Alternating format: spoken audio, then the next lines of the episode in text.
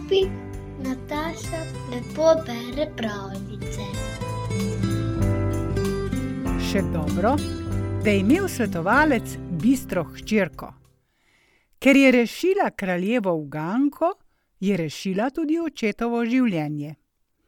Kako ji je to uspelo, ti pove portugalska pravljica Kraljeva uganka.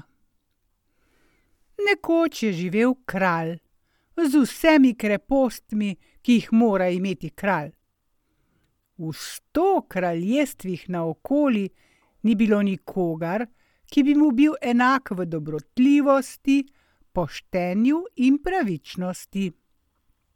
Vendar na obličju Zemlje ni nikogar, ki bi bil popoln, pravijo knjige modrosti.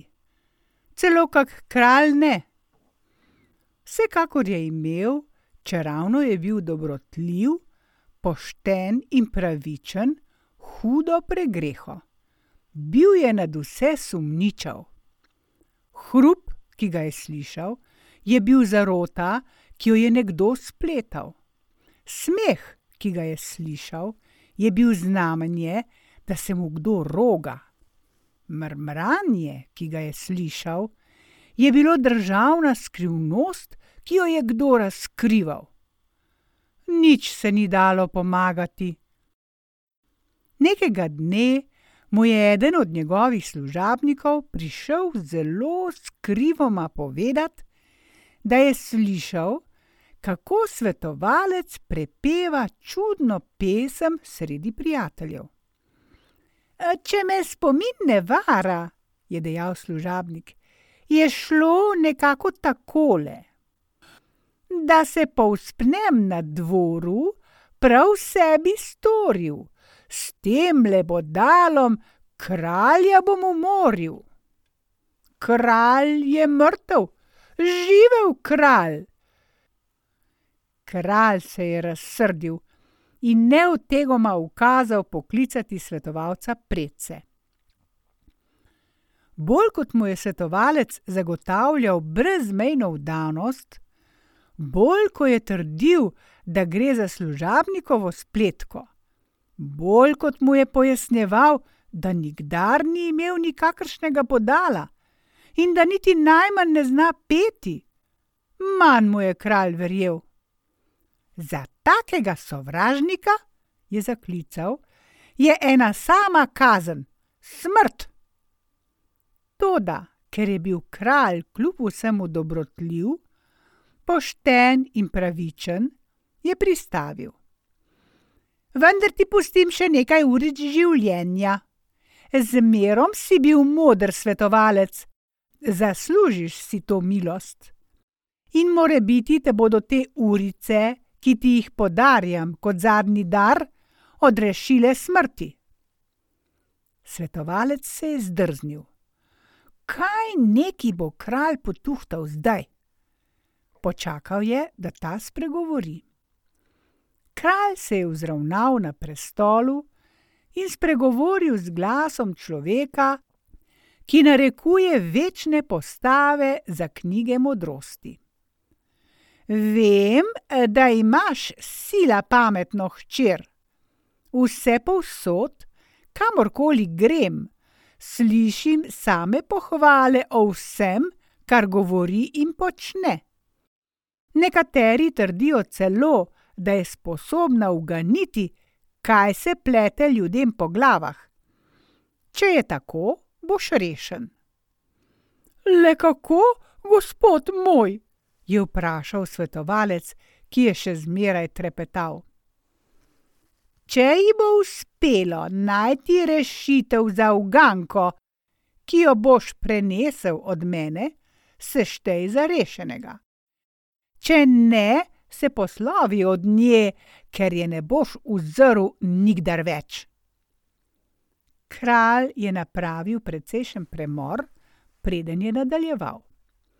Poprej si je pogladil brado, se odhrkal in šele potem dejal z glasom človeka, ki narekuje večne postave za knjige modrosti. Povej svoji hčeri, naj pride jutri predme, vendar. Nov premor in svetovalec se je tresel kot šiba na vodi. Vendar naj ne pride ne po dnevi, ne po noči, ne oblečena, ne naga, ne peš, ne ješ. Kralj je nehal govoriti, in svetovalec je že bil prepričan, da ga čaka smrt, vendar je izpolnil ukaz. Čeprav so mu bile štete ure, je bil to njegov kralj, kralja pa je treba ubogati, saj je tako zapisano v knjigah modrosti. Toda na njegovo veliko začudenje se je hčerka bučno zasmejala, ko ji je trepetaje prenesel kraljevo uganko. Samo to? In zato vam tako šklepečejo kosti? Bodite mirni, gospod oče moj. Če bo kralj izpolnil obljubljeno, in zmeraj sem slišala govoriti, da je kralj dobrotljiv, pošten in pravičen, se že štejte za rešenega. Pojdite spokojno spat, ker bo jutri vse tole prešlo, kakor moraste sanje. Ali se je tisto noč svetovalcu posrečilo spokojno spati, ne ve nihče. Ve pa tisti, ki je bil tam in mi je povedal zgodbo, saj je svetovalčeva hčerka zarana potrkala na vrata kraljeve palače in zahtevala, naj jo odvedejo pred kralja. Stražarja sta si pomela oči, enkrat, dvakrat, trikrat, da bi bila povsem prepričana, ali ne sanjata, in se odrezala v zboru. Nikoli ni nihče takle vstopil v kraljevo palačo. Ali je vstopil ali ne, ne vem, niti mi ni mar, je dejala svetovalčeva hči. Sama nameravam vstopiti in naj se nihče ne spozabi in mi skuša preprečiti pot. Nikoli ni nihče takle vstopil v kraljevo palačo. Sta vnovič v zboru odsekala vojščaka in potovkla s ulicama ob tla, da bi dala svojim besedam večjo veljavo. Hrušč je bil tolikšen, da se je sam kralj dvignil iz postelje in šel k vhodu palače gledat, kaj nenavadnega se dogaja tamkaj.